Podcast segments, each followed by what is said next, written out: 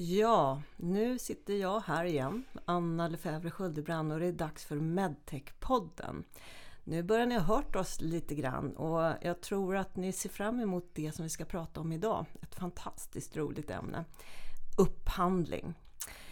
Och för att belysa det här på ett riktigt bra sätt så har jag tagit med mig en av mina kollegor, Louise Reuterhagen.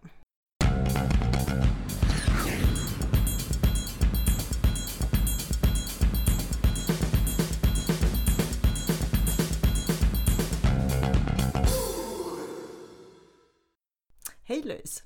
Hej Anna! Jätteroligt att ha dig här. Men du kanske kan börja kort och berätta, vad gör du hos oss? Här på Swedish Medtech så jobbar jag framförallt med upphandlingsfrågor och även kopplat då till samhällsekonomi. Eh, och min bakgrund eh, är att jag har varit upphandlare eh, och just upphandlat förbrukningsartiklar till, till sjukvården i Stockholms läns landsting. Eh, så att här på mitt nya jobb då, men som har varit mitt nya jobb i sex år, eh, så får jag fortsätta jobba med det som jag tycker är roligast, det vill säga upphandling. Men inte att specifikt göra upphandlingar, utan att hjälpa våra medlemmar eh, att bli så bra som möjligt på att hantera upphandlingar och för att vi tillsammans med upphandlande myndigheter ska skapa en god vård och omsorg för alla patienter. Ja, det var roligt att höra här att du säger att du får göra det du vill. Upphandling, älskar du upphandling? Både ja och nej. Eh, jag älskar, eh, vad ska jag säga? Eh, jag älskar potentialen med upphandling. Eh, det finns en väldigt fin eh, logik bakom eh, att, att leverantörer ska konkurrera på lika villkor. Och att det inte ska vara korruption eller vänskapsrelationer som ska styra vem det är som får leverera till svensk vård och omsorg. Det handlar ju också framförallt om att vi ska använda våra skattepengar på, på bästa sätt. För det är ju dina och mina kronor som offentlig sektor använder när de gör sina köp. Och då har man ju sagt att vi ska ha en en lagstiftning eh, som ska främja just eh, konkurrens, eh, att, att man ska behandlas på lika villkor, att vi ska få ut så mycket effekt som möjligt för varje spenderad krona. Eh, och i vår bransch så handlar det ju då om, om att få ut så mycket vård, så mycket omsorg, så mycket hälsa för varje spenderad krona. Men varför är det så viktigt just för den medicintekniska branschen med upphandling? Eh, I Sverige så är ju i princip all eh, sjukvård eh, antingen, antingen eh, offentligt styrd eller offentligt eh, finansierad. Eh, så att om man ska sälja på den svenska marknaden så är det via upphandling som man behöver gå. Eh, I och med att det är offentlig sektor som vid varje köp de gör så behöver de följa eh, upphandlingslagstiftningen. Så ska man sälja på svenska marknaden som medicintekniskt företag så kommer man inte ifrån upphandling. kommer man inte ifrån upphandling? Och då kan man ju ställa sig den här frågan, är upphandling svårt? Nej, det är inte svårt. Eller så här, det beror ju såklart på vem det är man frågar. Eh, men nej, det är inte svårt. Det finns en ganska tydlig ehm, ehm, eh, tydlig process för hur, hur en upphandling ser ut. Eh, det är en förberedelsefas Eh, där upphandlande myndighet eh, tillsammans med vården då i vårt fall behöver säkerställa vad är det som är behovet. Eh, vad är det vården behöver för att kunna bedriva en så bra vård, vård som möjligt. Ehm, och sen behöver man ju dessutom då se vad kan marknaden leverera utifrån det behovet. Det vill säga hur kan behovet uppfyllas eller tillfredsställas. Um, och i den processen så, så är det ju dels en intern diskussion eller analys uh, för att hitta, bland verksamheterna för att hitta behovet och sen då för att diskutera och föra dialog med, med eh, leverantörerna för att se hur man tillsammans kan, kan matcha uh, och hjälpa patienterna på, på allra bästa sätt. Uh, och sen kommer det till en upphandlingsfas när upphandlande myndighet då ehm, publicerar och offentliggör de krav som man ställer leverantörerna förbereder sina anbud, man lämnar in, arbetet kommer tillbaka till upphandlande myndighet där man utvärderar eh, och kommer fram till ett, eh, som ett preliminärt beslut vilka det är man vill tilldela ett avtal. Eh, och under den preliminära eller det preliminära beslutet går ut som ett tilldelningsbeslut där leverantörerna har möjlighet att se har utvärderingen gått till på, på rätt sätt. Eh, dels utifrån då det som har, man har ställt krav på men även utifrån upphandlingslagstiftningen.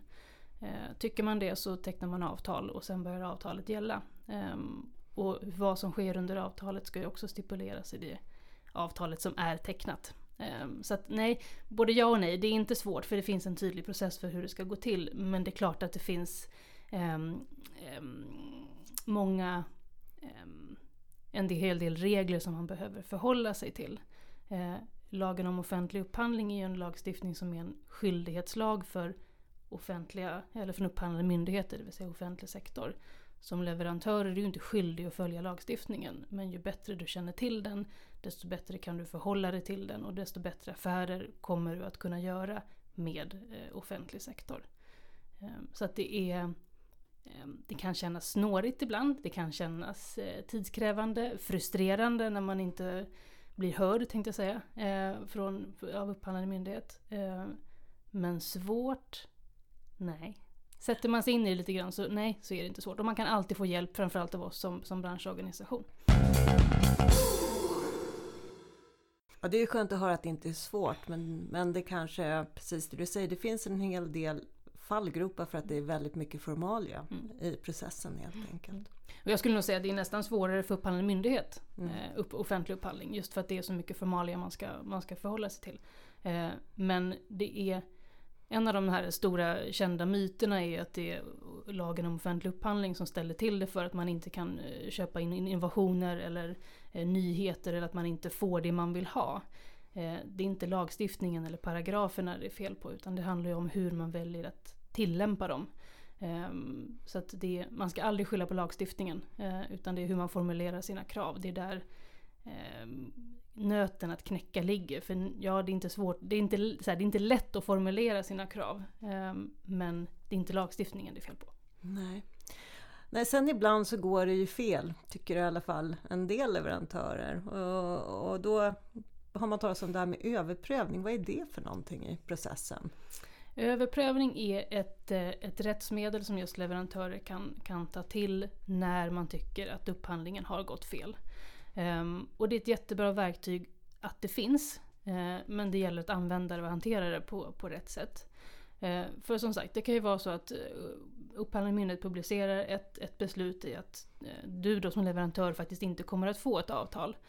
och du kikar igenom utvärderingen och du tycker att utvärderingen har inte gått till på, på rätt sätt. Det är fel leverantör som har vunnit.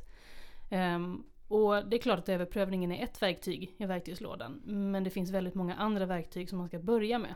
Eh, och ett av de främsta, inte bara i, i, ett, eller vid en överprövningssituation utan i alla situationer, det är ju en dialog eh, med upphandlaren.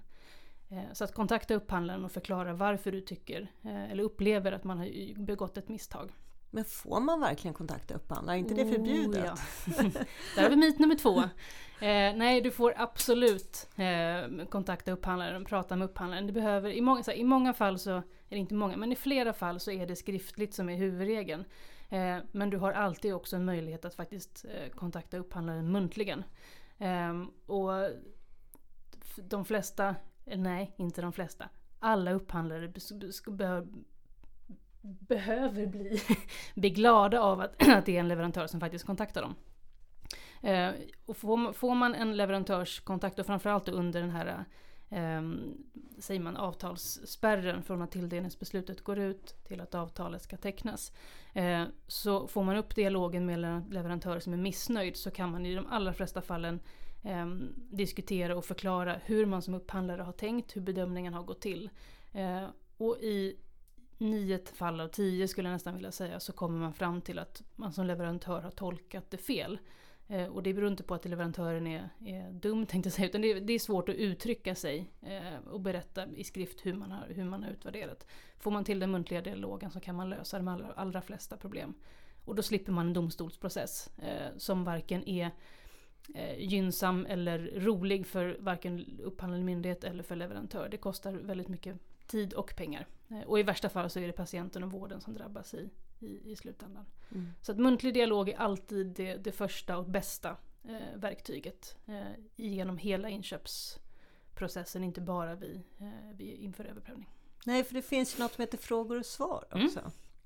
Så fort upphandlande myndighet har publicerat eh, sitt förfrågningsunderlag, eh, eller upphandlingsdokument då, som det heter i nya lagstiftningen, Ehm, så har du som leverantör möjlighet att ställa frågor på det som du inte förstår i det underlag eh, som är, som är framtaget. Eh, och det handlar ju om att dels som att du som leverantör ska förstå på bästa sätt vad det är eller upphandlande myndighet vill ha för någonting.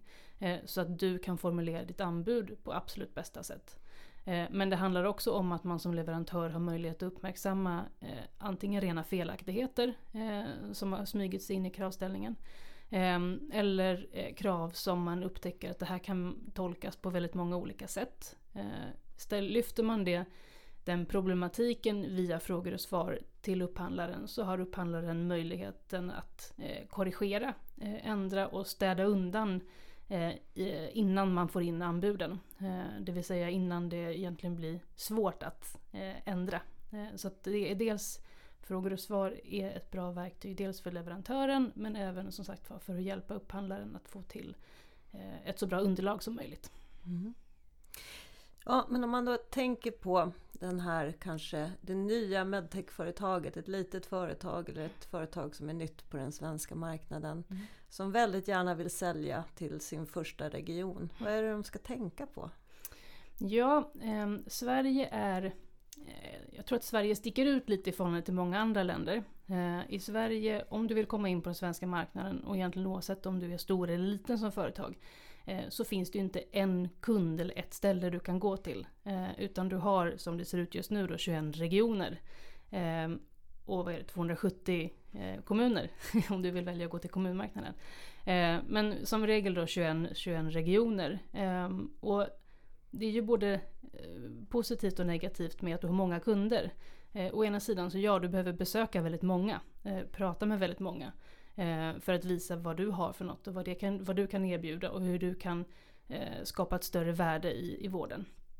Ehm, och så att ja, du behöver resa runt en hel del. Men å andra sidan så har, är det ju inte så att du förlorar du en affär, om du är med i upp, en upphandling och inte får avtal där, men då kan du vara med i nästa, eh, i nästa region eller i en annan region. Eh, så att du har en större eh, vinstpotential än om du bara hade en stor eh, kund. Fler ägg i korgen skulle man kunna Fler säga. Fler ägg i korgen ja. Eh, nej, och, och, andra frågor då? För just, jag vet att många funderar över det här som, som vi nämnde just, men man är rädd för kanske att prata med eh, upphandlare när det är en upphandling som pågår. Men hur, mm. hur ser vi på det här generellt sett? Du sa att man ska inte vara rädd, kommunikation är bra. Och ett nytt företag, ska de prata med upphandlare eller ska de prata med vården eller kanske med bägge? Bägge, precis. De ska prata med bägge. Eh, för dels handlar det om att eh, den ena kontakten med vården är livsvik, livsavgörande för att det är ju i slutändan vården som ska använda den produkten som du vill sälja. Eh, vården behöver känna ett reellt behov av att det de köper faktiskt behövs. Så de behöver ju egentligen testa produkten innan. Och det behöver inte vara de här kliniska vetenskapliga stora testerna inför en CE-märkning utan det här är egentligen bara en användartest. Eh, är den här produkten, passar den här produkten in i vår verksamhet och bidrar den med, med, med en nytta som vi vill ha?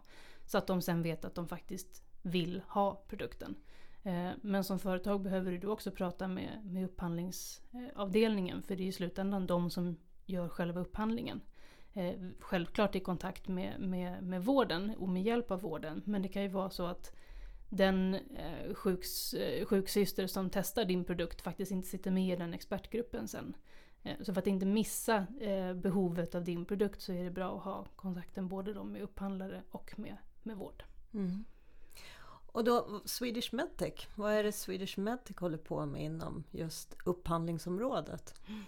Ja, som sagt, i och med att alla våra medlemmar, alla de medicintekniska företag som vi har som medlemmar, har ju sin marknad och sin kund då i offentlig sektor, hälso och sjukvård, eh, via upphandling. Eh, så att en stor del av vår verksamhet eh, går ju ut till att eh, utbilda kring upphandling, eh, ha rådgivning kring upphandling, eh, för att som sagt man ska Eh, lära känna lagstiftningen och kunna använda den på bästa sätt eh, för att tillsammans med eh, vård och omsorg skapa en så, så bra sjukvård som möjligt. Ehm, så att vi har må många utbildningar kring offentlig upphandling på olika nivåer skulle jag säga. Dels då grundläggande men även den här lite mer strategiska. hur man kan bygga upp sin, sitt företag eller sin affärsverksamhet ehm, mer utifrån hur man Eh, kan använda offentlig upphandling till en fördel istället för att se det som den här stora irritationsmomentet som faktiskt många, många gör. Ehm, och sen så har vi då även en stor, eller en av våra fokusgrupper, eller våra största fokusgrupper. Eh, upphandlingskommittén. Där vi då samlar upphandlingskompetens från våra medlemmar. Eh, och där vi diskuterar upphandling högt och lågt. Stora och små frågor. Olika trender inom upphandling. Ehm, när det kommer nya lagstiftningar, när det kommer införs nya regler och så vidare. Eh, och även via upphandlingskommittén som vi gör eh, landstingsbesök. Som vi nu faktiskt behöver döpa om till regionbesök. eh, där vi då besöker eh, upphandlingsavdelningar runt om i de olika regionerna. Och träffar alltifrån upphandlingschefer, upphandlare, ehm, i eh, miljöspecialister, eh, controllers ehm, och diskuterar upphandling specifikt för just den regionen. och hur vi kan tillsammans göra eh, upphandling eh, använda det som ett bättre verktyg för, eh, för det som man vill uppnå på, på upphandlande myndighet. Eh, och sen då även då tillsammans med, med regionerna, deras eh, landstings eh, eller upphandlingsnätverk. De heter ju också mm. Landstingsnätverket för upphandling. De behöver också ändra sitt namn. Så arrangerar vi en upphandlingskonferens var 18 månad. En, en reell samverkanskonferens där vi tar fram programmet tillsammans och genomför allting tillsammans. Eh, och vi har genomfört den här konferensen sedan 1998.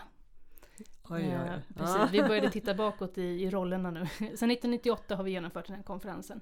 Eh, och då det, brukar det vara ungefär 50-50 upphandlare från upphandlande myndigheter och då leverantörer på, på medicintekniska sidan. Eh, ett fantastiskt tillfälle, två dagar att föra informell eh, dialog, eh, få kontakt med den där andra sidan. Och nu gör jag situationstecken, mm. för jag vill inte kalla det andra sidan. Vi jobbar tillsammans mm. eh, för svensk hälso och sjukvård. Eh, men där man kan, faktiskt kan lära känna och förstå att den där upphandlaren som man tycker är läskig, konstig. Träffar man den på en konferens och kan prata upphandlingsfrågor så inser man att de är precis lika mänskliga som, som företagssidan. Mm. Så det är ett ypperligt tillfälle att skapa kontakt och se till att göra bättre affärer i framtiden. Och just upphandlingskonferensen är något som man kan hitta information om på vår hemsida. På hemsidan ligger upphandlingskonferensen. Vill man, är man sugen redan nu att boka in i kalendern eh, så är nästa upphandlingskonferens 2020 den 25 till 26 mars. Ja. Eh, och vi håller till i Globen brukar jag säga, men vi är vid hotellet bredvid Globen. Fylla Globen är ett, en målsättning vi har framöver. Ja, ja, det ser jag fram emot. Just alla som älskar upphandling samlas på en och samma plats. Ja, alltså det här låter ju som Swedish Medtech verkligen har som ett högprioriterat område och jobbar väldigt mycket med. Och, och det är ju oerhört roligt. Och fokus, anledningen till att vi gör det här. Eh, det handlar väl i slutändan om patienten? Yes. Eh, ett modeord eller en fluga som har varit väldigt länge är att man har patienten i centrum, att man har patienten i fokus. Eh, och vi är väl inte ens om av att känna att det är, ett, det är ett ord man säger, ett uttryck man, man säger. Eh, patienten, man pratar oftast om patienten men inte med patienten. Eh, och det är någonting som vi försöker nu, tillsammans med andra såklart, eh, råda bot på och ändra. Eh, att få in patienten eh, i upphandlingsprocessen. Eh, vid de tillfällen när det faktiskt är patienten som är slutanvändare av den produkt som ska upphandlas. Att få med deras tankar kring vad som fungerar i deras vardag. och hur man formulerar det i olika typer av krav. Oftast blir det ju subjektivt. Den här känslan sitter i fingertopparna och den är svår att få ner i svart på vitt på, på ett papper. Eh, men pratar man med de som lever med en produkt varje dag så är det betydligt enklare än att sitta som en utomstående, tänkte säga, men en vårdpersonal ehm, och formulera ehm, så att, att, jobba mer med patienter inför upphandling i den här förberedelsefasen. Och faktiskt till och med kunna se om de kan få vara med i utvärderingsprocessen också och få testa de produkter som, eh, som man tar in innan man tecknar avtal. Ja. Om man ska sammanfatta det hela så kan man väl säga så att den goda, bra upphandlingen, det är någonting som kommer att leda till väldigt bra vård för patienten. Mm. Och det är bra också för vården, det är bra för samhället och faktiskt för företagen. Oh ja. Ja. Stort tack Louise! Tack Anna.